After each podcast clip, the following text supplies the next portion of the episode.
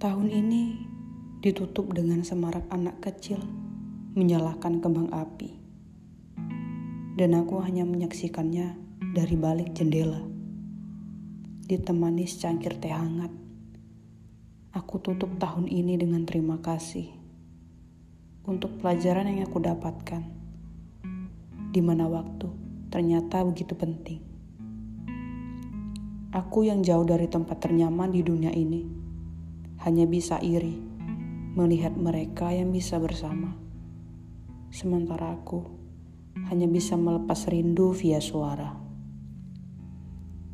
Dulu, di saat aku berada di sana, aku malah lebih memilih pergi, terpengaruh dengan dunia luar yang begitu fana. Dan kini, saat aku sudah pergi jauh, aku malah kehilangan arah. Saat aku sendirian seperti ini, aku baru sadar bahwa rumah adalah tempat di mana aku bisa menjadi diriku sendiri. Tak ada kepalsuan.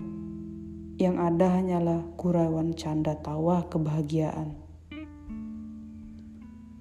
Resolusiku tahun ini sangat sederhana. Aku hanya ingin pulang entah dalam keadaan berhasil atau gagal.